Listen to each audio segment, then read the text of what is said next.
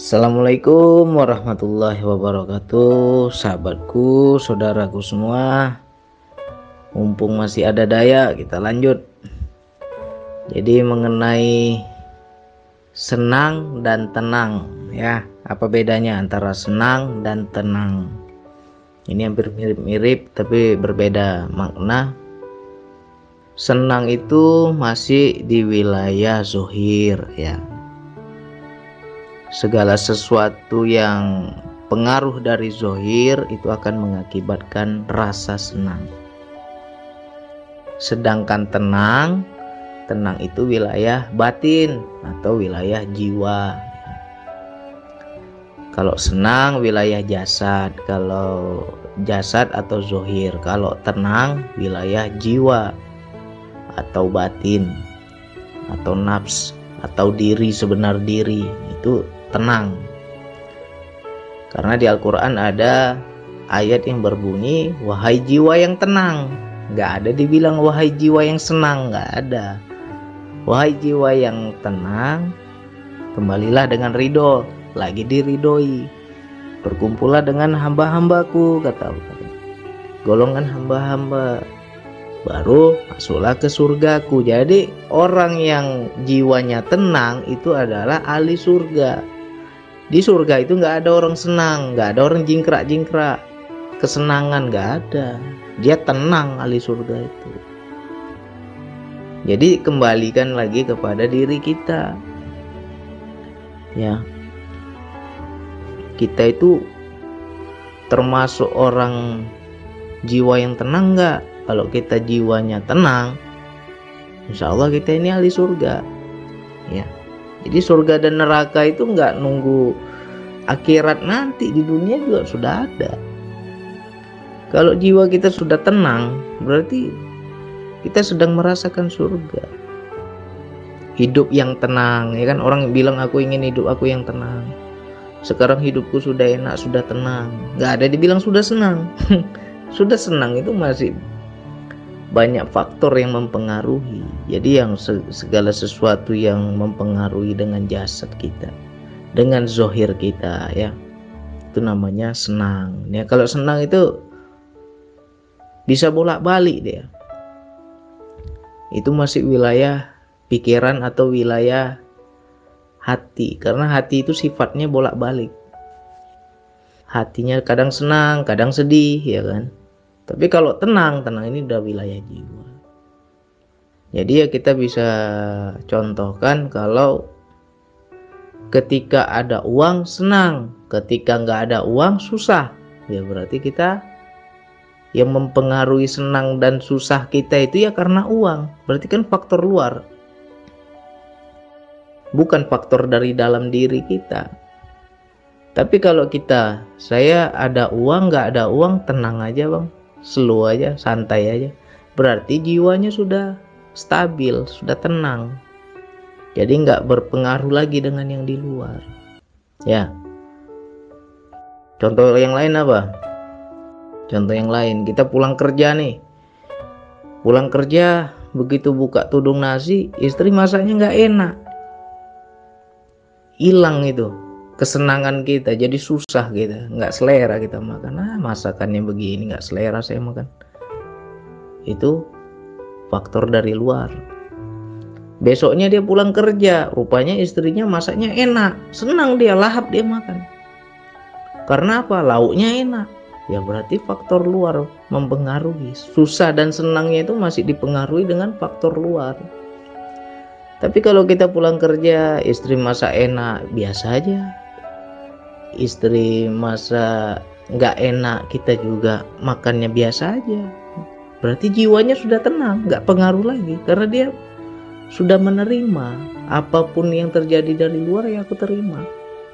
Jiwaku sudah merdeka ini kan gitu. Itulah yang dibilang jiwa yang tenang nanti teman-teman akan merasakan ketika kita diberikan suatu kebahagiaan yang luar biasa. Kok biasa aja ya bang rasanya?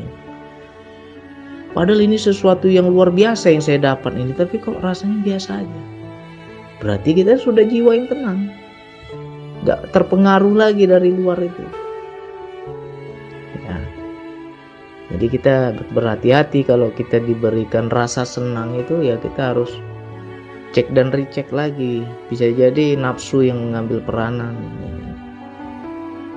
Ketika ada sesuatu yang enak yang membahagiakan kita senang. Ketika nggak enak wah itu berontak kita. Ya berarti orang tersebut masih dipengaruhi dengan faktor luar. Masih dipengaruhi oleh enak dan gak enak ya oleh senang dan susah. Jadi bolak-balik dia.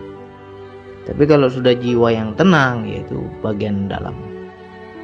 Mau masakannya enak mau nggak enak ya biasa aja. Mau tidurnya di kasur empuk mau tidurnya di tikar ya biasa aja. Sama aja. Ya kan? Mau makan pizza mau makan telur dadar ya sama aja. Ya. Jadi itu sudah jiwa yang merdeka bisa bang kita seperti itu? Ya bisa. Asalkan kita kenal nafsu kita. Kalau nafsu ini masih narik terus ya kan? Nah di situ. Kadang kita tim menjadi dua peranan tadi tuh antara susah dan senang. Ya tenang ini yang di tengah-tengah ini. Tenang ini udah terpisah. Jadi jangan sampai kita ada yang enak senang gitu dikasih yang nggak enak ah, susah kita ya berarti masih di zohir itu. Jadi makanya kita belajar zikir nafas kesadaran jiwa masuklah ke dalam diri itu. Ya. Jadi mau kayak mana pun yang di luar di dalam diri tetap damai tenang. Nggak mempengaruhi lagi yang di luar. Ya. Jadi kalau kita apa ingin mengetahui bang saya mau tahu bang orang yang sudah mengenali diri itu yang seperti apa? Berarti dia orang yang sudah tenang. Itulah orang yang sudah mengenali diri. Ya kan? Kalau masih kersak kerusuk ada uang senang. Nggak ada uang susah. Apalagi ada yang enak senang. Ada yang nggak enak susah. Ya berarti masih di lah itu belum masuk dia ke jiwa. Ya makanya dalam zikir nafas ini kita akan paham yang namanya masuk ke jiwa diri yang sebenarnya diri itu yang mana masuklah kita kepada kesadaran jiwa di situ kita akan mengenal oh ini diriku yang sebenar nah, ya sudah dalam kehidupan sadari bahwa yang di luar ini hanya pakaian kita. Diri yang sebenar diri yang di dalam, yang di luar ini hanya pakaian. Ya kan? Dan nafsu itu ya di zohir ini. Di mana letak nafsu? Di zohir. Ketika kita bangun dari tidur di situ, nafsu bekerja. Ya kan? Maunya yang enak-enak, yang nggak enak nggak mau dia.